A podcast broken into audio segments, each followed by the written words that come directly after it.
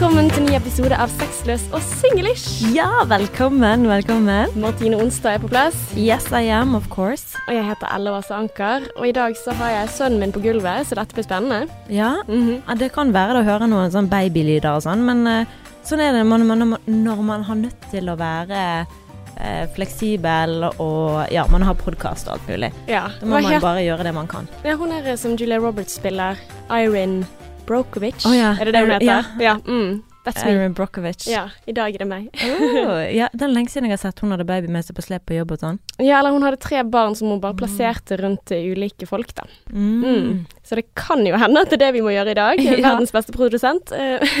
Shout-out til Espen. Ja. Eh, men iallfall, i dag så skal det handle om forhold og giftige forhold. For det Ja. du har tatt deg en eh, tur på nettet, Martine. Ja, det har jeg, og jeg må innrømme at uh, jeg, jeg gikk jo gjennom dette her i går, for dette er en stund siden jeg har skrevet. Jeg bare sånn Har jeg skrevet dette her? Dette blir spennende. Men uh, ja, jeg har, uh, jeg har gjort det. Jeg har dykket inn i det giftige, for jeg tror det er veldig mye sånn misforståelser eller misoppfatninger da når det kommer til hva som er et giftig forhold. Mm. Det tror jeg. Så det skal vi gjøre, men først må vi høre hvordan det går med deg. Jo Og eh, Oskar, ikke minst. Ja, sant. Som du hørte, nesten sa mamma. Og sa nesten mamma. Ja, han går rundt og sier mamma, mamma, mamma. Så jeg er bare sånn åh, lille venn. Men uh, skal vi se, det er vanskelig å han tenke når han er her inne. Ja, eller holde seg framover, virkelig. Mm. Men med meg så eh, Det går egentlig ganske fint. Det er travle dager fram til Ja, da er vi tilbake igjen. Eller måtte bare ta proppen i sluket.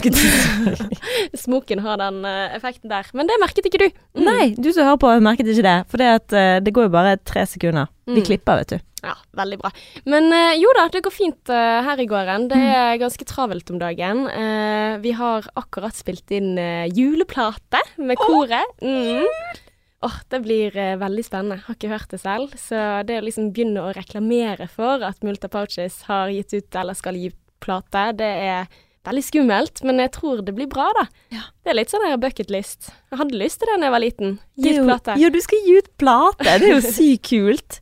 Ja, Og så blir det en eh, spesiell måte med julemusikk. Jeg elsker julemusikk, så jeg gleder meg til å spille denne her eh, på julaften. Altså, det blir jo helt magisk. Ja, men det er nok ikke sånn Mariah Carey Nei, det vet jeg. Ja. Jeg har hørt dere live. Ja. Ja, så jeg vet hvordan dere synger. Og det blir jo dritkult, for det er en ny måte. Det er jo veldig sånn eh, folkemusikk, på en måte. Mm. Ja. Så nei, det blir dritstilig med jul og greier. Ja, nei, jeg gleder meg til å høre hva du, hva du synes. Hva sanger er det på, da? Nei, altså det er noen kjente. Mm. Eh, det er sånn eh, Det hev en rose sprunge og mitt hjerte alltid vanker, men en ny melodi, så altså Eller den er ikke ny, den er gammel, men eh, jeg hadde ikke hørt den før, da. Men så er det også litt sånn, ja Er det Santa is coming to town? nei, nei, det er ingenting engelsk. Det Nei, okay. er, ja, norsk. Ja, norsk. nynorsk og Mm. litt latin, faktisk. Julenissen kjem til byen. Ja, kanskje det var Gud, det var Men gleder det. du deg til jul her? Å, jeg gleder meg så sykt til jul. Åh, jeg også kjenner det så utrolig, særlig når jeg har en liten en som skal oppleve det for første gang. Så det er sånn, åh, jeg blir helt sånn rørt av å tenke på julen. Mm. Mm. Men uh, hva med deg, Martine? Nei, jeg har jo nettopp kommet hjem fra Sydenland, jeg. Ja, jeg jeg har- ser det i tonen din. eh, Ja. Mm. Litt sånn, Looking men jeg. Thank you. Jeg har prøvd å ikke sole ansiktet mitt, da, fordi at uh, huden min tåler det ikke. Jeg har så mye pigmentflekker. Så nå har jeg kjøpt sånn krem, da, eh, som skal hjelpe mot For jeg gikk til en sånn hudlege for å høre liksom sånn med, pigmentflekker, hva kan man gjøre? Mm. Altså, hva gjør Kim K og hele den bølingen i Hollywood? Ja. Og hun bare Nei, det finnes ikke. Det kan være de har noen sånne eh, behandlinger for pigmentflekker som får det vekk for alltid, men ikke som jeg vet om. De bruker et lass med sminke. Nei, men de må jo kunne fjerne det med en eller annen fantastisk laser eller noe sånn, sånt. ja. Mm. Sant? Um, men i hvert fall så sa hun at det fantes ikke noe som hun visste om i Norge som fjerner pigmentering. Nei. Så for det hun sa, hvis du begynner å liksom Jeg tror det er veldig mange som sliter med det. Mm. Jeg tror ikke jeg er den eneste. Men eh, det, hvis du begynner å, å las, bruke laser på det, så kan du gjøre vondt verre da, hvis ikke du Ja. Men i hvert fall så fikk jeg en sånn krem, så derfor er jeg litt sånn rød. Jeg vet ikke hvorfor jeg kom inn på det, men uh, ja. Nei, men det er jo greit å vite, men det det handler om er vel å unngå sol, da. Ja, Mm. uh, og i hvert fall i vår alder, hvor uh, liksom Ja, det som vi gjør nå, kommer til å sette standarden for hvordan vi ser ut om ti år. Vi bare Mm. tenker ikke på det. Men nei, så har vi vært i Syden med mor og bare kost reven av oss. Ligget på stranden og hver gang vi liksom skulle prøve å gjøre noe nytt, som å gå ut på en sånn båttur, gikk jo det rett til pieces. Det var jo helt forferdelig. Ja. hvorfor det? Nei, for det er sånn her eh, Det er sånn båt som du går på, sant, med mange andre nordmenn, og vi bare ja, vi går en halvtime før, Mm. eh, sånn at vi får liksom god sitteplass og sånn. Da var jo båten full. Vi Mm. var jo de siste som kom på båten, så å si. Så nordmenn på ferie, eller, det er et kapittel for seg sjøl. Eller bare sånn turister, ikke nordmenn, men turister. Den er, det er en egen rase. Ja. For det er liksom å legge håndkleet sitt på når du går av, for vi gikk jo innom to forskjellige øyer, da. Mm. Og så på den første øyen så legger de liksom håndkle på stolen for å liksom reservere til de kommer tilbake. Så det er veldig sånn Og så bestemte vi oss for å sitte på, sitte på et annet bord eh, når vi var på denne øyen, når vi skulle videre. fordi at Altså vi, på stranden nå, da? Nei, på båten. Ja. For det, båten er jo kjempestor, og så er det Ah. bord som du sitter på, Sånn. Okay. Det er sånn plass til 150 Ja, mennesker. det er sånn plagsomt kjempestor at båt. folk som ikke bruker plassen, så går ut, og Gå så skal ut, de og så skal de reservere den til når de kommer tilbake. Ja. Nei, det går ikke an. Nei, så det var jo eh, Så når vi kom tilbake igjen, så satt vi på et nytt bord. Og da kom jo de der tre som hadde sittet der fra før av. Oh, spilte du feil? Ja. Så da kom den familien som hadde sittet der uh, før, og bare sånn 'This is our table'. Og de snakket What? veldig gebrokkent engelsk. Da, men det er 'our table'. Og vi bare sånn øh, Nei, og det var jo korona, sånn, så vi sa at to stykker kan sitte med oss. Og så kan en annen sitte der borte, liksom på bordet rett ved siden av. Mm. Og de blei så forbanna. Altså, de var så sint. Så det var bare sånn helt krisestemning, og mamma, vet du, 'only two', 'only two'. De ble bare så sint, for de mente det var deres bord.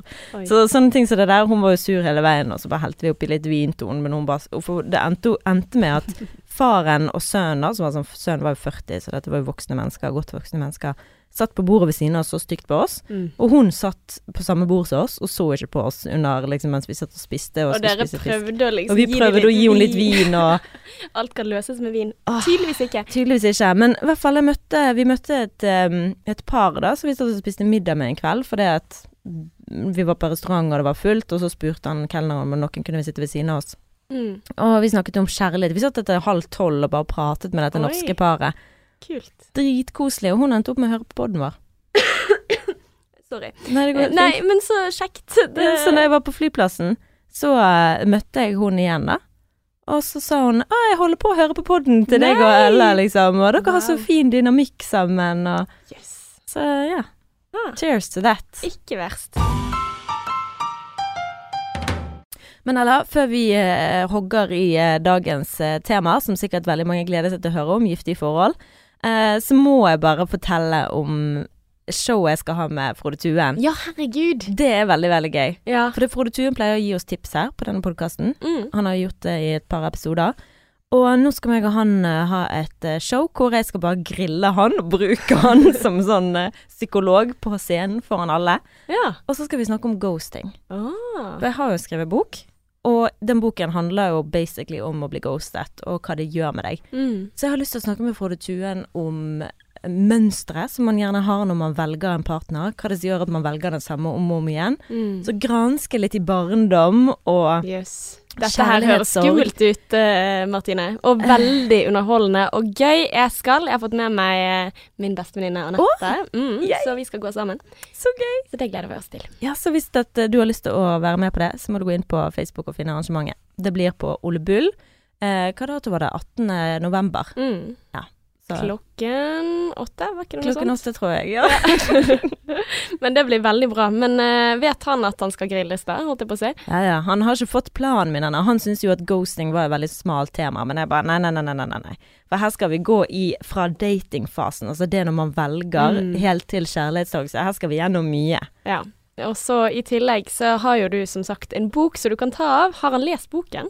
Eh, det vet jeg ikke, sikkert ikke. Ja, nei, men du må få han til å lese boken. Så kan, han eh, kan han gi litt sånn psykologisk insight. Å ja, Mm. det er sant. Jeg skal sende den til posten. Sende han i posten til han. Ja, veldig spennende. Men ok, nå skal vi inn i giftige forhold, Ella. Mm. For det, det jeg har tenkt litt på, det er liksom Hvordan vet du at du er i et giftig forhold? For når du sitter på Instagram og sånn, og du føler sånn This is how If this is in your relationship, you have a toxic relationship. Jeg får jo opp Mm. masse sånn siden jeg har mye om forhold på Instagram. Ja. Så jeg får opp masse sånne relaterbare innlegg og sånn. Og det kan gjøre litt vondt, sant. For ja. dette syns de er ofte veldig sånn Det gjelder meg, eller liksom ja, liksom det gjelder treffende. alle. Det er sånn å, når dere krangler, så angriper dere. Altså det er bare sånne ting som er kjempegenerelt, Mm. og absolutt ikke definerer et giftig forhold. Ja. Men det kan ha noe med hvordan du er som menneske, eller som, hvordan du har blitt vant til å takle em, krangler eller diskusjoner fra barndommen. da. Det er jo et annet tema igjen. Men jeg tenkte i hvert fall å ha en episode eh, for at vi skal føle oss litt bedre. Ja, vi har jo sutret litt over forholdene siste Eller du har ikke gjort det, det har jo vært veldig bra. Men for min del så har jeg vært litt negativ i det siste, så nå er det på tide å få liksom tommel opp. Så nå skal jeg liksom få bekreftet at jeg ikke er et giftig forhold, er det det Mhm. som er målet ditt? Ja, vi skal, for vi, sånn som du sier, vi er ofte litt sånn på sytesiden. Men så bor vi jo òg i Jante-Norge, og det å skryte av forholdet er jo ikke akkurat Nei. nordmenn, sant. Men uansett, vi skal snakke om eh, tegn på et giftig forhold, ifølge en sånn prisvinnende psykoterapeut da, og eh, programleder Dr. Jen Mann heter hun. Mm, ikke verst. Er du klar? Tenk å være kvinne og hete mann til etternavn. Det Nei, ja, det er jo ganske vanlig i USA, men eh, ja, Ja. det er sant. Nei, veldig kult. Men uh, ja, jeg er litt sånn her eh, Veldig ofte så er jo denne type artikler bak en betalingsmur, så jeg tenker egentlig at jeg skal lene meg litt tilbake igjen og høre litt på hva du har å si om uh, giftige forhold. For jeg føler liksom det er litt sånn OK, tegn på at du dater en psykopat, eller et eller Ja, sånt. Sånn ja. er jo veldig ofte på VG pluss eller Dagbladet pluss og Ja, Ja. så, så ta det som blir sagt alltid med en klype salt. Ikke føl deg dårlig med forholdet ditt. Jeg håper ikke at du gjør det. Nei. Oskar. Men jeg tror liksom dette her er tegn hvor vi tenker at her er det faktisk viktig å komme seg ut, og vi kan jo drøfte litt etterpå hvordan man skal, eh, skal gjøre det, da. Eh, hvis man føler at shit, jeg er i et giftig forhold. Fordi Mm. at det skal man ta seriøst. Selvfølgelig. Selvfølgelig. Men det må du bare vurdere sjøl, da. Så, men du må kommentere eller underveis. Mm, Hvis du eh, føler at eh, du har lyst til å si noe på det, da. Så det første på listen over eh, ti ting som kan gjøre at du har et eh, giftig Eller ti tegn på at du kan ha et giftig forhold, det er at eh, personen du er sammen med, er emosjonelt ustabil. Eller du er emosjonelt ustabil. Mm. At eh, altså på den måten ikke klarer å regulere egne følelser, da. Altså bli veldig, veldig sint eller problematisk. Altså, Ja, og, og kanskje liksom usikker i forhold til deg, eller usikker til hverandre. For én ting er å være emosjonelt ustabil når man dater, men i et forhold er det ifølge Dr. Mann giftig å ikke være fysisk og emosjonelt til stede for partneren din. Ja. Ja. And I concur på det der, altså. Um, Har du men erfaring, eller? på å være emosjonelt ustabil? Ja. Eller nei, å være med noen som er litt sånn opp og ned. Ja, altså det er jo ikke noe enkelt Altså, jeg kan jo være det sjøl, men Mm. Word. Jeg føler liksom hele graviditeten Altså, folk kan ikke gå fra meg når jeg har litt sånn svingninger i Ja. mm, Så Mm. du må jo på en måte tenke sånn hva, hva er det som Hva er det som er emosjonelt ustabilt? Hva er det? Hva er det? Er det følelsene dine for personen, eller er det bare deg og din, dine issues? Mm. Sant? Kan dette her, Har dette noe med den personen du er sammen med å gjøre, eller har det egentlig bare med deg sjøl å gjøre? Mm. Det tenker jeg er viktig å finne ut av. Ja. Mm. Og nummer to over eh, tegn på at du kanskje kan være et giftig forhold, det er at hvis de er avhengig av ja, det alkohol eller narkotika, det sier seg sjøl, da. Mm. Hvis de er avhengige av noe. Ja ja, selvfølgelig. Men så er jo det litt sånn Altså det er det samme som jeg tenkte på den forrige. At eh, det kan jo hende at du kommer inn Altså skal du være sammen med noen i 30 år, og de plutselig får et alkoholproblem, så er du ikke sånn der OK, bye bye, snakkes. Altså da er jo det på en måte hvordan kan du hjelpe vedkommende, og hvordan kan du Altså ja. Men jeg tror nok jeg hadde styrt unna å bli sammen med noen som har problemer i utgangspunktet. Men, ja. men det er jo det å spørre om hjelp. Ja, men det er òg det de sier, eh, at du kan ikke hjelpe en person som er avhengig av alkohol eller narkotika, for de må hjelpe seg sjøl. Ja, det er jo klart, men du kan jo hjelpe de å søke hjelp. Altså, og det er jo ikke sånn her eh, jeg, jeg tror ikke at deres problem blir mindre hvis man da sier snakkes. Altså, ja. Jeg har jo troen på at uh, skulle jeg liksom havnet på kjøret, at de som var nærmest meg, hadde prøvd å hjelpe meg, liksom. Ehm, så ja.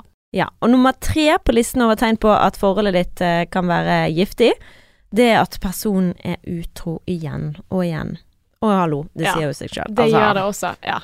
Uh, og den tenker jeg litt sånn rett det, det er en annen ting.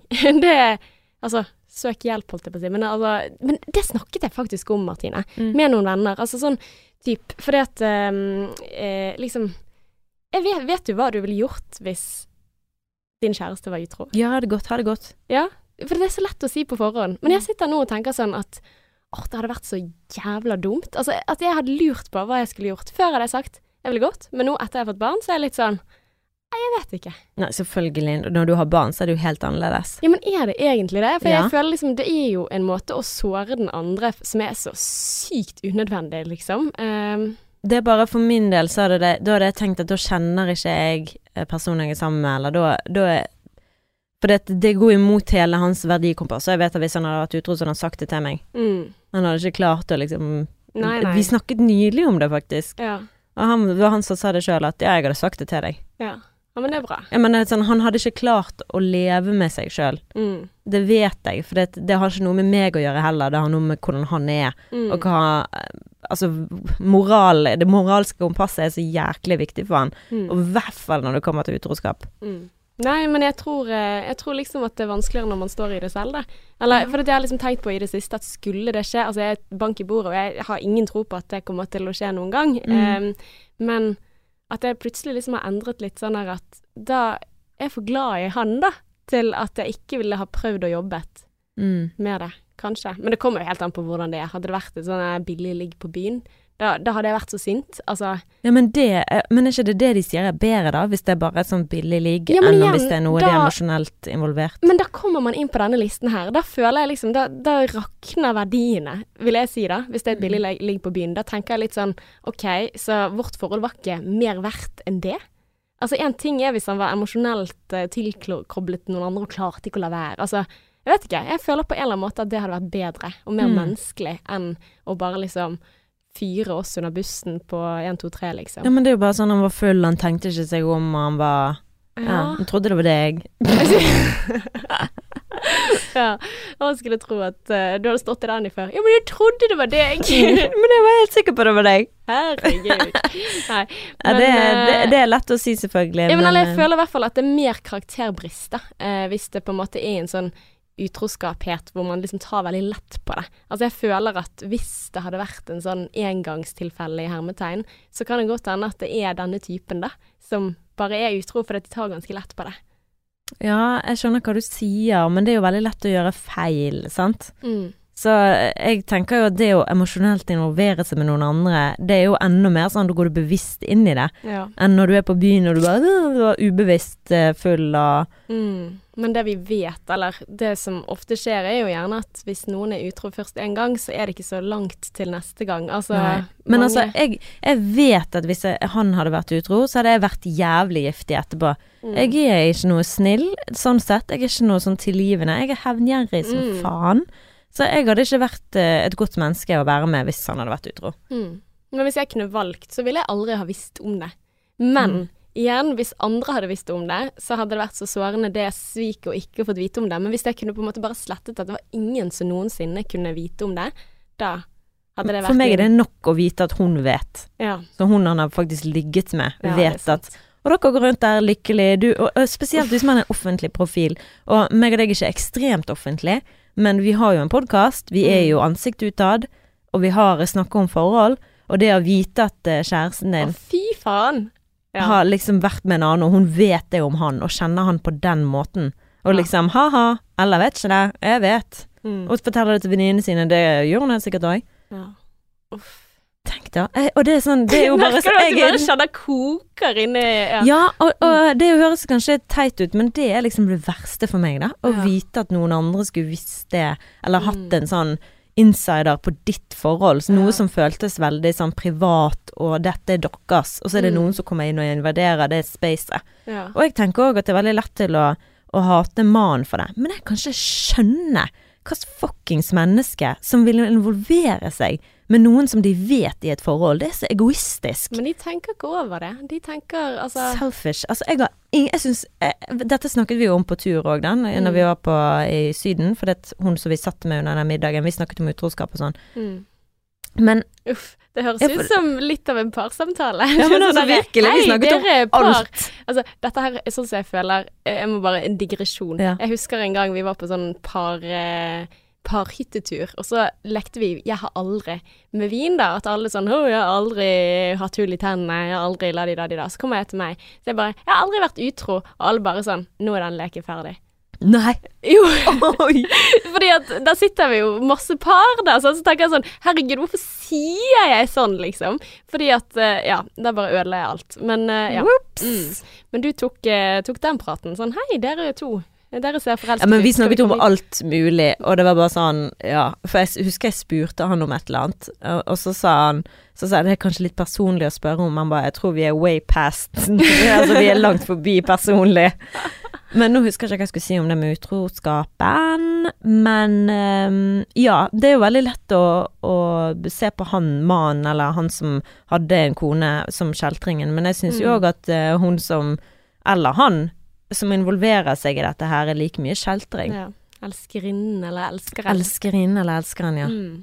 How dare you? Altså, jeg, jeg, og, og det er ofte sånn, man, man tenker, det var det jeg skulle si, man tenker mange tenker at de som er utilgjengelige, altså de som er i forhold, er mer sexy.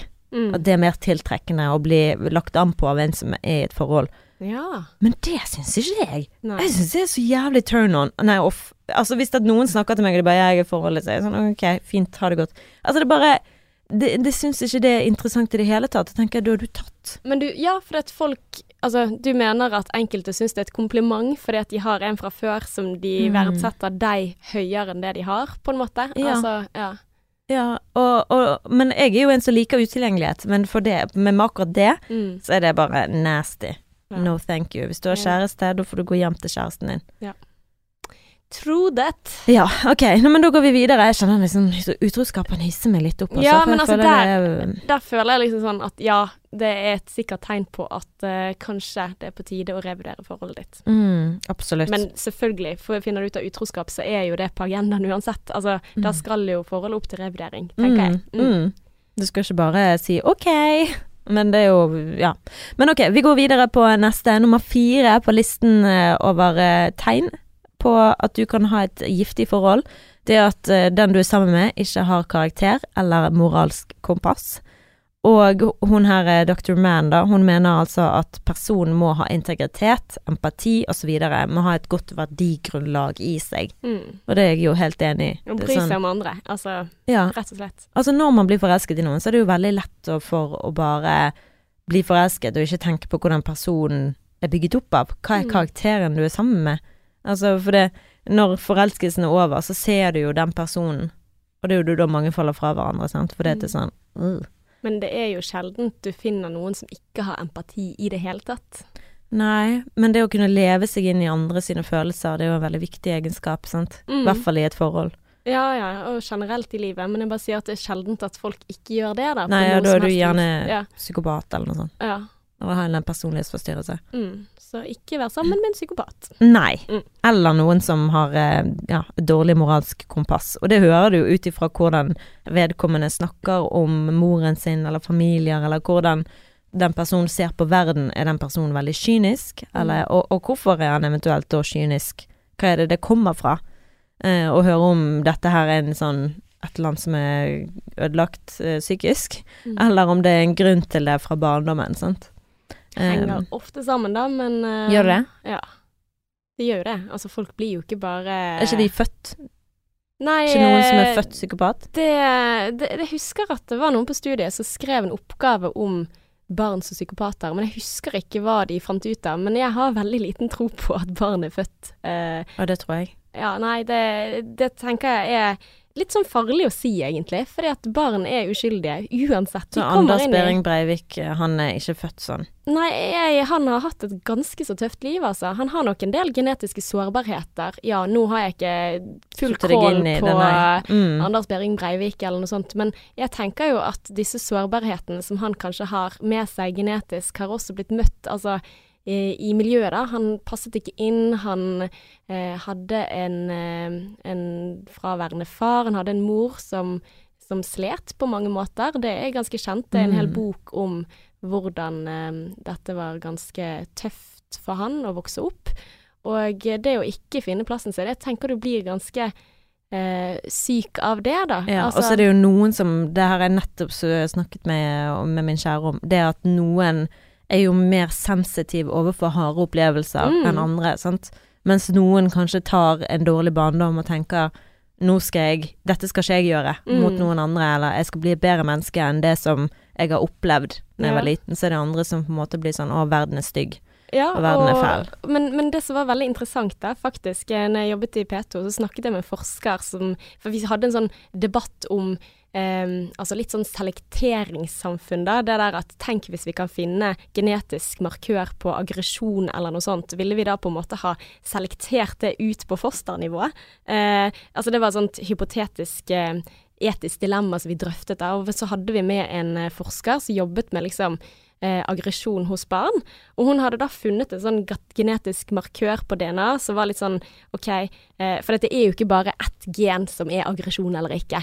Men hun, eh, hun fant et sånt gen som var at hvis de barna som hadde denne genmarkøren, møtte positive opplevelser, så blomstret de mye mer. Eh, og hvis de møtte negative erfaringer, så ble de mer negativt eh, påvirket. Så hun mente, hadde en sånn hypotese om formbarhet. Da. At du har noen som liksom ikke påvirker så mye av eh, miljøet sitt. Um, skjønner du hvor, Mm, hvor jeg vil? ja, ja. Men det er kjempespennende, da. Eh, at eh, de som ikke påvirkes så mye, de påvirkes ikke så veldig mye av de positive tingene heller. Altså de er mer Mm. flate generelt, men de barna som da hadde denne genetiske markøren, de, de kunne vippe begge veier, da, og var Mm. mer formbare. Så mer å tenke enn at liksom OK, disse barna er mer sårbare. Så tenker hun liksom nei, disse her er orkideer, sant. De kan gå en eller andre veien, sant. De, spennende. Så det å Vi snakket om der, altså jeg er jo veldig imot eh, å skulle på en måte si at noen genkombinasjoner er bedre enn andre, fordi at det kan slå begge veier, da. Mm. Og eh, selvfølgelig, det er jo jævlig trist historien med Behring Breivik, og Mm. fy faen hva han har gjort, liksom. Mm. Han er, ja. Men det er jo liksom sånn Det jeg òg det jeg og Adrian snakket om, var at det er veldig lett å, for oss mennesker å prøve å forenkle ting for å forstå det. Mm. Sant? At eh, barndommen er grunnen til at man blir sånn og sånn, eller altså man har lyst til å finne årsakene. Men jeg har lyst til å finne årsaken for å løse det, Mm. ikke for å legge skyld. Men mer sånn for å løse opp knutene, liksom. Ja, men hvordan kan vi da reparere det? For det er ofte sånn må man finne grunn for å reparere det. Mm. Det- Men uh, da er du på en måte veldig deterministisk å tenke at OK, det er født sånn, sant. Altså du kan gjøre mye mer hvis du tenker at det er en kombinasjon, da. At eh, miljøet, altså hvor du vokser opp, det å gi ressurser til sårbare familier, det å støtte og hjelpe og finne de Mm. beste mulighetene. Altså, og igjen, nå vet vi jo at uh, Behring Breivik har vært veldig i hjelpesystemet. Han har vært i BUP, tror jeg. Altså han har fått oppfølging, men da ikke bra nok oppfølging. Sant? Mm. Altså da må man finne ut hva, hva flere ting skal til da, for at vi skal inkludere. Og da tror jeg også at hele verden har et ansvar. Så det er jo ikke bare hjelpesystemet, men eh, ja, barna i skolegården. Mobbing og Altså, ja, ja. Nei, jeg er helt enig, og det er jo selvfølgelig ikke så enkelt som at uh, det er DNA, og så er du bare sånn, og så blir det sånn. Jeg er helt enig i at miljøet har en påvirkning på deg, og foreldrene dine har en påvirkning på deg, og så er du gjerne mer sensitiv for å bli påvirket eller ikke, sånn som du sier, egentlig. Så ja, selvfølgelig, det, det er jo ikke sånn at det er så enkelt, men jeg, jeg bare mener at jeg tror at f.eks. for eksempel psykopater, selv om jeg er ingen lege, vil jo bare si det, dette på Martine sin mening, Mm. men at psykopater eksempel da er født med en slags sånn mangel på empati, da, og hvis man har en dårlig barndom, eh, så er det med på å forsterke det, da, Mm. egentlig som du sier, så jeg er jo helt med på det. Altså det er jo studier som Altså jeg husker at det var en eller annen fyr på Fredrik Skavlan eller noe sånt som mente at han selv var psykopat. Jeg vet ikke om du husker oh, ja. Nei, det. Han, han forsket på hjerner, og så fant han liksom sånn at ok, psykopaters hjerne er litt mer sånn. Og så hadde han sett på sin egen hjerne, og så var det sånn shit, men jeg har jo det samme. Så sa han liksom sånn at jeg er en snill psykopat. det var liksom sånn han snakket om det. At jeg har ikke den eh, empatien, men jeg har lært det instrumentelt. Hmm. Ja. OK, Martine. Nok om uh, psykopater og narsissisme. Skal vi videre? Ja, vi skal videre på listen. Ok, så nummer eh, fem på listen over uh, tegn på at du kan ha et giftig forhold, eller i hvert fall grunnlag for et giftig forhold, egoisme. Mm. Det går litt i samme kategori. Det Ja. Ikke omtanke for andre. Altså, Ja, um, ja, men hvis det alltid handler om denne andre personen, da. Hun sier at dette kan være en form for narsissisme, da. mm, Eh, og at personen da heller ikke evner å føle empati. Ja, det er liksom sånn som vi egentlig snakket om i sted, ja. mm, Uh, hvis, ene, hvis en i forholdet bare tenker på seg sjøl, så er det jo helt umulig å ha et forhold. Ja, selvfølgelig. Og så er det grader av det. Sant? Altså, Ja, jeg kan jo alle er jo kjenne egoister på ja, et nivå. og alle bra mennesker er Ja. sunn grad av narsissisme. Fordi at hvis ikke, så har jo ikke du et selvbilde. Altså, så det der å synes bra om deg selv og tenke at ok, mine, mine behov også er viktige i et forhold, det er viktig. Men så er jo det på en måte når bikker det? Når er det ingen omtanke for andre mennesker? Eh, men altså, jeg kan sitte her og si at jeg er ganske egoistisk. Ja, jeg òg. Og jeg har veldig høye tanker om meg sjøl sammenlignet med andre mennesker. Vet du hva, det er Ja, men det er helt ekstremt. Altså, jeg leste jo, holder jo på å lese en bok som vi skal snakke om i neste episode, eh, som heter Break Up Bootcamp, og der så står det liksom Sto det en liste over hvordan du vil Først så skulle du finne verdigrunnlaget Mm. eh, som er viktigst for deg. Så ti verdier, så det var liste over masse ord. Eh, for eksempel eh, selvstendighet eller empati eller humor. Hvilket verdigrunnlag som er viktig for deg i en partner. Mm. Skal du liste de opp, og så skal du skrive navnet ditt først, og så eksene dine og den partneren du er sammen med i dag, hvis du er sammen med noen. Mm. For å forstå eh, om det er noe mønster. Ja. Sant? Så Om det spennende. Veldig, så det skal vi snakke om i neste episode. En liten tease der. Men da fant jeg ut at jeg ratet meg sjøl så jævlig mye høyere enn alle jeg har vært sammen med. Altså, jeg var bare så gøy. Var, men det gir jo litt mening, for det er jo det, verdier som er viktige for meg. Mm. Så det er jo ikke nødvendigvis de verdiene som partner, de eksen, eksene mine har. hatt. Ja, ja. Og så i tillegg så tenker jeg litt sånn i Norge, så er det liksom eh, det var, Jeg var nylig på et sånt kurs hvor vi skulle snakke om eh, Vi skulle velge ut en positiv egenskap vi selv hadde, og fortelle det til noen andre. Og så tenker jeg litt sånn her Hun ene hun eh, nevnte at hun hadde god selvtillit, da. Mm. Eh, At hun var veldig trygg i seg selv, og at det var en sånn positiv ting, men at det var veldig flaut å si det høyt. Og det, det føler jeg liksom sånn Herregud, er det sånn at vi skal sitte her Og jeg kjente jo selv at når hun snakket, så tenkte jeg jeg er enig med deg. Jeg er ganske trygg i meg selv, liksom. OK, skyt meg for det.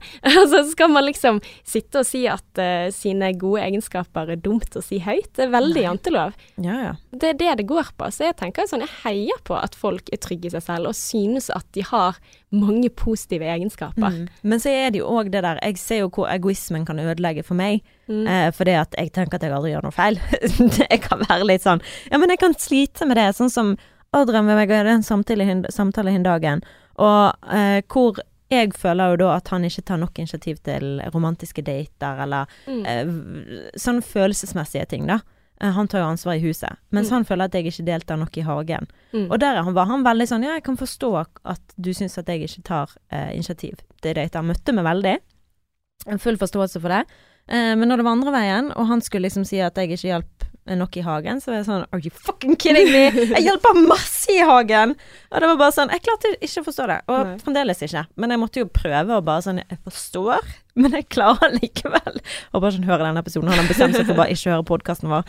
Eh, Jeg tror det- min kjæreste også har sluttet med det. Altså. Ja. Mm. men, eh, men der kan jeg merke liksom at egoismen i meg er veldig sånn sterk, da. Jeg vil ikke kalle det egoisme, Martine. Altså, Ja, du har nesten. så mye omsorg. Altså, greien er at du kan ikke nærme deg, hvis vi skal snakke om den listen som var i giftig forhold. Du tenker på andre, du har masse empati, du har veldig lite egoisme. Sånn som når du lager mat så du selv ikke skal spise engang. Altså, du har så mye omsorg og kjærlighet. Det at du kaller deg selv egoisme på denne måten, jeg tenker du er en positiv egoist. Altså på en fin måte, men du er ikke sånn negativt sånn som dette her. Det Nei. nekter jeg å tro. Ja, vi får se om du hadde vært i et forhold med meg, om du hadde ment det samme. Nei, men det er alltid vanskeligere å være i forhold. ja, det er det. Det er det. Ok, vi går videre på listen. Nummer seks på tegn på at du kan ha et giftig forhold, det er jo at man lyger. Mm. Hello. Altså, det er jo mangel på tillit og alt mulig. Mm. Uh, men er det greit med hvite løgner? For det er jo ikke alt man har lyst til å være ærlig om. Jeg lyver jo ikke når jeg har vært på shopping, men jeg forteller det heller ikke. Den der eh, hvite løgnen sånn Ja, jeg drakk bare én øl. Men det var sånn, jeg kjøpte meg nylig en jakke, og jeg shamer, jeg skammer meg sånn over å handle. Jeg vet at tekstilbransjen er det verste når det kommer til klima. Mm. Jeg har jo stemt på et klimavennlig um, parti. Mm. Og jeg er veldig opptatt av dette her, og jeg merker når jeg går på en smørøys, jeg skammer meg skikkelig, det er ikke greit. Og jeg er helt enig med det. Men så var den bare så fin. Men det måtte bare Det var så tilgjengelig og så billig. Og så er det jo det at jeg har merket nå at de billige klærne jeg kjøper, de blir ødelagt sånn, Mm. for masse nupper, og det er ubrukelig. Og det er bare et kast, bruk og kast-samfunn som jeg ikke har lyst til å være en del av. Mm. Men, og eh, samtidig, no, noen Jeg kjøpte nettopp en jakke på Nelly, en sånn boblekåpe. Oh. Men jeg ga vekk den andre, da. Men nå gjemte jeg Jeg ville ikke vise det til Adrian. Det er ikke sånn at jeg kommer hjem og sier 'Adrian, hva syns du om den nye jakken min?' Jeg gjemmer den inn i skapet. Men jeg var på ferie, så ringte jeg han så sa jeg, du Eller jeg snakket med han på telefonen, så sa jeg du, jeg vet jo at jeg ikke har så veldig lyst til å si til deg når jeg kjøper ting, men jeg har kjøpt meg ny jakke. Han bare 'Å', jeg bare han henger i skapet'. jeg må bare innrømme Men blir han da sint på det? Altså, er Nei, det nei, han sier- Det er mer din er indre skam. Altså, Ja da, han blir ikke sur. Og så sa jeg det at men jeg, den gamle kåpen jeg hadde, sånn, som var sånn nesten Jeg følte meg som uteligger i han, for han var liksom Ja. så stor og posete, da. Og det passer ikke å se på TV, vet du. Eh, så hvis jeg skal være reporter utegående, Ja, nei, så må jeg ha en pen kåpe. Det er investering i karrieren. Men altså, apropos løgner. Eh, jeg har jo en gang løyet, eller ikke sagt sannheten, da. Jeg Mhm. husker at jeg krasjet bilen. Jeg kjørte inn i en mur. Ja. Og så var det liksom skrapt opp under, og jeg hadde så dårlig samvittighet, så tenkte jeg sånn Dette skal jeg fikse før han finner ut av det. Ja. Men så dagen etterpå, så dagen etterpå, sånn, så plutselig glemmer jeg det, sant. Og det endte med at han skulle skifte dekk, oppdager eh, disse skrapene sammen med sin far, og så sier faren sånn Shit, eh, så sier eh, samboeren min liksom sånn at OK, han hun, eh, noen må ha kjørt på oss. Og så sier faren sånn Det ser ikke ut som at noen har kjørt på på denne måten. Du, det kan jo hende at det er Ella. Han bare nei. Ella ville aldri ha ikke sagt noen ting om det. Her er vi kjørt på. Så hadde han liksom forsvart meg skikkelig. Og så nevner han det til meg, da, og jeg bare Det var meg! Og det var så jævlig. Altså, fy faen. Da, da skammet jeg meg. Så eh, ja, der er jeg på eh, den på listen. Så jeg bare kom på det nå, for dette jeg skrapte opp eh, den nye bilen. Leasingbil. Mm. Nå nylig kjørte i et gjerde. Eh, og da kom jeg hjem og sa det med en gang, eh, og da Og du har gjort det en gang til. ja, herregud. Jeg har krasjet alle biler jeg noensinne har ja. kjørt. Altså, seriøst. Men eh, ikke krasjet, da. Det blir feil å si. men Skrapt opp. Ja. Litt sånn her og der. Eh, litt Ja, faen, jeg er en dårlig sjåfør, Martine. Man kan ikke være god på alt. Men, eh, men da gikk jeg hjem, og så sa jeg det, og så sa han ja ja, du sa det i det minste, da. så det var liksom sånn, jeg har lært. Og, og grunnen for at jeg sa det, var ikke fordi at han ble sint, men da å ikke si det, det var mye verre, altså. Ja. Ja. Men jeg har jo og det, det, Da følte jeg at jeg hadde vært utro. Men jeg har løyet mange ganger på sånne småting. Sånn eh, Fordi at jeg orker ikke For jeg er veldig uforsiktig med ting. Mm. Adrian er veldig påpasselig på sine ting. Mm. Eh, Når jeg støvsuger, drar jeg støvsugeren til han dunker han i veggen og sånn, sant. Og så når hver gang kommer merker Adrian er sånn Han har vært offshore, så kommer han hjem, og så skal han se på alt i huset, sant. Han skal se hvordan ser det ut her. Ja, det skulle tro jeg var sånn tenåring som bodde hjemme alene. Sant? Skulle sjekke at alt var på stell. Så Mm. det gjør han alltid. Eh, og det skjer av og til at han sier 'Hva er det merket her for noe?' Det, det Jeg vet ikke. Nei, jeg vet ikke. Og det er jo sikkert meg, men jeg bare og- det er bare sånn Jeg kan automatisk bare ikke ville si at det er meg. Mm. For jeg orker ikke at han skal være sånn 'Du må være forsiktig', mu, Ja. mu. Så jeg eh, har ofte løyet om sånne merker og kommer an i, og ja. ja. Så jeg satser på at dere kjører på denne episoden. Nei. Ok, neste på listen over eh, ti tegn på at du kan ha et giftig forhold, er nummer syv ikke ha selvinnsikt. Mm. Å spille offeret og ikke ta ansvar for ting. Akkurat meg ofte. Nei da, jeg kan ta veldig ansvar. Men in For the heat of the moment Mm. Ja, men i, i sånn hetets øyeblikk så kan jeg være litt sånn trassig i forhold til å få kritikk, sant. Jeg er Mm. veldig allergisk mot det. Og da kan jeg være litt sånn Nei, men det er faktisk du som er problemet i dette forholdet, kjære. Det må du bare ta med deg i sekken. Uh, men etterpå så kan jeg være veldig reflektert. Mm. Men jeg trenger liksom litt tid. Ja, men det tror jeg de fleste trenger innimellom. Altså hvis man er aktivert, da, sant? altså har man sterke følelser, så må man roe seg ned, liksom. Uh, så ja, det å liksom umiddelbart se at å ja, når jeg er sint, så er det min feil. Altså, det, det er vanskeligere. Så så lenge du kan reparere i ettertid, så tenker jeg at du er good to go. Ja, absolutt. Og det er det som er veldig viktig å poengtere med denne listen her. Det er at dette handler om grader. Mm. Vi er alle egoistiske i en grad. Vi er alle emosjonelt ustabile i en grad, og vi alle lyver om småting. Dette handler om de store tingene, sant. Mm. At man alltid er egoistisk, eller på det ekstreme, sånn at det påvirker forholdet i en veldig negativ Mm. grad, da. Så her må man liksom ta det her med en ikke med en klype salt, men liksom ta det til vurdering, og ikke tenke 'Å, forholdet mitt er jævlig', for det krysser av på alle listene. For det er løy om oppvasken, eller Vi gjør jo det også. Ja. Mm. Så absolutt. Og nummer åtte på tegn på at du kan ha et negativ, nei, eh, giftig forhold, det er at du er negativ til at du skal ha ditt Å ja. At den andre partneren er negativ til at du skal ha ditt eget liv. Mm. Negativ når du skal være med venner eller gjøre noe Ja. uten han. Det, det mener jeg er så sykt. Det er en av de giftigste tingene. Det, Mm. altså, hvis du blir isolert fra de som du er glad i fra før, hvis det er liksom sånn 'Å, jeg liker ikke den vennen, jeg liker ikke familien din, jeg liker ikke sånn, du skal bare være her med meg', da tenker jeg at oi, da bør du faktisk eh, stoppe opp og se på de andre tegnene på listen. Ja, og unne hverandre ha et annet liv. Altså sånn, Mamma sa jo det flere ganger da vi var på tur nå, at å, du er så heldig som har en mann som lar deg dra på Hun er jo en annen Mm. generasjon. Eh, la deg dra på tur, og liksom la deg få lov å leve livet ditt, og, mens han er hjemme og jobber.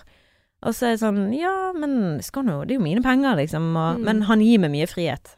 Herregud, jeg skal ikke si noe på det. Mm. Økonomisk òg. Men, eh, men, eh, men det er utrolig viktig, da. Bare Mm. for han. Han sier ja, men hvis jeg har lyst til å reise fire uker til Himalaya eller whatever, så har jeg Mm. ikke lyst til å måtte spørre deg om det. Mm. Da har jeg lyst til å dra.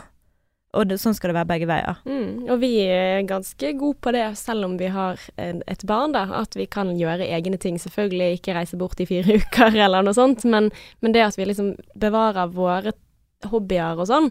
Og det er jo sånn som kan være vanskelig etter hvert, men likevel, det er kjempeviktig, tror jeg.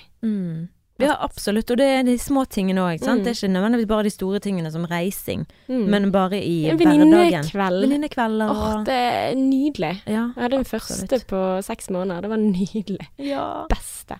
Da når du var ute og spiste middag. Mm. Eh, ok, skal vi gå videre da? Yes. Nummer ni på listen over at du kan ha et giftig forhold, det er at vedkommende nekter å endre seg. Mm. Jeg bare kjenner meg litt igjen. Hvis du har en partner som gjør den samme feil igjen og igjen, og ikke vil bedre seg for deg, da har du et problem. Ja, kommer helt an Kommer- på og det er feil. derfor Sånn- gradene her er Ja. så viktige å For det, For det, jeg kommer aldri til å få kjæresten min til å ikke sette oppvasken oppe, sånn at han gjør det i en hel eh, Ja, en helhetsrydding, sant. Altså, jeg vil at du skal ta inn underveis, mens han tenker at vi setter det der, og så fyller vi inn. mm. Ja. Det kommer aldri til å skje noen endring. Men jeg vet, altså, men jeg tenker at lysten til at vi skal kunne samarbeide om det, den må være der til stede. Absolutt. Og eh, det som jeg kan være, ha med liksom, hvis du skal kalle det giftig trait, da, som jeg tror 99% av befolkningen har, er, er sånn som jeg kan si at ja, men det er bare sånn jeg er. Mm. Og det er noe av det Adrian hater mest å høre. Ja, word. Ja. Det er derfor derfor jeg hater denne Bjørn Eidsvåg-sangen. Jeg er bare en mann som Å, gjør så godt han kan. Å, det er sånn som herregud, kjæresten min ja, Og bare som- putte det i sånn manneboks. Er Ja. jeg en mann, så jeg må få lov. Ja, vet du, ja, vet du hva, det, den hver eneste gang eh, Det er liksom hans tulle eh, go to, liksom. Sånn hvis han har gjort noe feil, så kan han av og til begynne å synge den, da, fordi han vet at det irriterer meg, så begynner vi å le. Så det er en sånn fin greie. Takk, Bjørn Eidsvåg. Nei, men altså til igjen, i grader må man ta dette her, sant. Altså, jeg prøver jo å endre meg hele tiden, og leser disse selvhjelpsbøkene, så selv om jeg kan ha en liten sånn sånn Ja, men jeg er bare sånn, så er det jo bare det at jeg tenker som utgangspunkt så må du som partner akseptere at dette er din kjæreste. Mm. Dette er han, og dette er sånn han er. Og så kan han jobbe, men det må være opp til han. Og det er det jeg har i hvert fall fått en sånn åpenbaring på, da. At du skal ikke nege noen til å bli et bedre menneske. Mm, mm. Du skal ikke si 'kan du gjøre det', du gjør aldri det. Det vil ikke gjøre personen bedre. Du må motivere og inspirere. Mm. På en Og så må du endre deg selv. Det er liksom Ja, sånn det er den at eh, beste måten du kan inspirere noen andre på. Virkelig. Det å være et eksempel. For en av de problemene som vi ofte gjør da, i sånne negative spiraler, er at vi gjør more of the same. Altså, OK, du eh, tar ikke oppvasken. Ja, nei, eller at du bare fortsetter med det samme. Altså samme strategien. Jeg spør deg om å ta oppvasken, du gjør ikke det. OK, da bare maser jeg enda mer. Mm. Som om at det vil hjelpe mer. Så man må liksom bryte det mønsteret man selv har, da. Man kan Mm. ikke endre andre. Nei, absolutt ikke. Du kan kun endre deg sjøl. Men da endrer du gjerne den andre også. Yes, Mm. that's right, girl. Så bare stå på med det. Sant? Altså, selvfølgelig, hvis at uh, den andre personen er utro, og du tenker ja, men da skal jeg ikke være utro, og se om det gjør han bedre, så vil jo ikke det endre noe. Men her snakker vi om de små tingene. Yes. Og uh, siste på listen, Ella, det er det mest uh, innlysende og eh, ganske sånn, ja, Mm. rett fram, og det er giftig forhold. T- Ti tegn, eller nummer ti på listen over at du kan ha et giftig forhold, det er jo psykisk og fysisk vold. Sant? At den andre får deg til å føle deg dårlig med den du er, tråkker ned på deg, Mm. sier at du er ikke god nok, eller Kaller deg stygge ting. eh, ja, Ja, slår deg. ja, slår deg. Ja, og, og kanskje bare 'Å, jeg gjør det på fylla, jeg skal ikke gjøre det igjen'. Eller truer. Mm. ting som det. Det er Ting som gjør at du bra. Ja, måte å kommunisere på som gjør at du føler deg utrygg. Mm. Det skal du ikke gjøre i ditt eget hjem.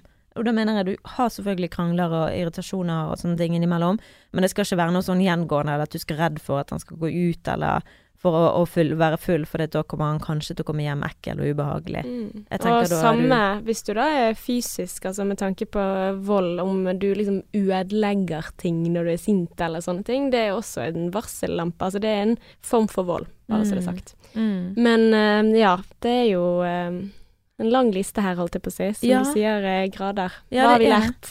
Nei, altså for hva gjør du da om du er i et giftig forhold, eller hva gjør du om du er usikker på om du er det? Kanskje man er i en sånn gråsone med alle disse punktene som vi nettopp har ramset opp. Så tenker jeg at eh, du ikke skal ta en avgjørelse basert på frykt. Mm. Og det er det hun Dr. Mann sier, da. Ikke ta en avgjørelse basert på frykt. At du er redd for å si noen ting eller noe sånt. Altså jeg tenker det første du bør gjøre, er jo å snakke med en du er fortrolig med. Altså Ja. spørre en venn, snakke med en av de som Altså eh, og kanskje hvis du ikke har noen venner, hvis de ikke ser det, sant, de ser kanskje en annen side av den du er sammen med, kanskje du skal ta kontakt med en sånn hjelpelinje. Altså mental helse eller. Ja, da lignende. snakker vi om de mest alvorlige tilfellene. Ja, ja, selvfølgelig. Men hvis du er usikker og er redd for at du er i et giftig forhold, Mm. så er det vik viktig å ta alvorlig, altså. For man kan jo, eh, ja, med tanke på psykisk og fysisk vold og ja, den Ja. type ting. Men det som jeg mener, og det som Dr. Mann mener i forhold til frykt, så er ikke nødvendigvis frykt av den andre personen, men frykt for at man skal være aleine. Mm, Skjønner du? ja. Ikke ta en avgjørelse basert på Nei, men jeg tør ikke, for hva vil det være? Det er noe Mm. helt nytt, og, og, og det tør jeg ikke. Sant? Så jeg vil heller være her, for det er liksom Det er ikke trygt i Mm. den forstand, men det er trygt i din egen i ditt eget hode, for det er det som er familiært, eller det som Mm. er kjent. Man er redd for en ny Å gjøre noe som er helt nytt, sant. Og det er Mm. der man, det man ikke skal gjøre, men du skal ta et, en avgjørelse basert på din egen personlige lykke. Mm. Så tror du at mønsteret kan endre seg. Er han villig til å snakke med en psykolog, eller jobbe med sine egne giftige atferdsmønstre, da? Um, for eh, altså, let's face it, vi er jo alle giftige, liksom. Som vi nå egentlig har vært innom, da, i en eller annen grad. Eh, med mindre du er motherfucking Teresa. Det er ikke meg, Men vi er ikke giftige. Vi er ja. Nei, men altså Giftige traits, da. Mm. Jeg tror altså Alle har det i seg. Mm. Ja. Og i så fall, hvis det er noen som er motherfucking Teresa, så kan du skrive en bok, så kan jeg lese den. Men giftighet, som sagt, kan være noe så enkelt som at du gjør aldri dette for meg, fremfor å si jeg hadde blitt veldig glad om du kunne gjøre dette for meg, sant. Den derre angripende holdningen som vi alle gjør hele tiden. Så sånn sett så kan vi jo alle være litt grann giftig, Mm. men uh, bare i hvilken grad, og hvordan kan du endre det for å bli en bedre kjæreste, og i den eh, veien inspirere kjæresten din til å bli det òg. Mm. Men da må jeg spørre deg eh, det siste spørsmålet her, Martine. Føler du deg bedre i eget forhold etter denne listen? Etter denne listen? Nei. Og det var det vi hadde i dag av Sexløs og Singlish. Tusen takk for at du har hørt på. Tusen takk, Ella. Takk for den. Mm. Nei, men eh, det, det er som jeg sa, det er grader av alt. Ja. Og jeg føler liksom at jo, jeg er i et veldig, veldig fint forhold fordi at jeg er sammen med en person som er villig til å se seg sjøl. Og hjelpe meg å se meg sjøl. Jeg føler på mange måter han er mye flinkere til det enn det jeg er. Så ja. Du, da? Ja, altså jeg, jeg vil si at uh, altså, jeg, jeg tror ikke jeg har endret noen ting med måten jeg ser på mitt eget forhold Nei. den listen. Nei, ikke jeg heller, egentlig. Jeg har bare avslørt meg selv lite grann. Ja. Mm. Og det er fint å se på seg sjøl av og til. Mm. Ja. Virkelig. Men uh, takk for at du har hørt på. Vi er på, uh, um, vi er på Instagram og vi er på Facebook, så hvis du um, har lyst til å sende oss en melding, så gjør gjerne det. Vi setter stor pris på det. Noen ting vi skal snakke om, eller ris eller ros og den type ting. Do it! Fortell en venn. Ja. Mm. Until next time. XOXO.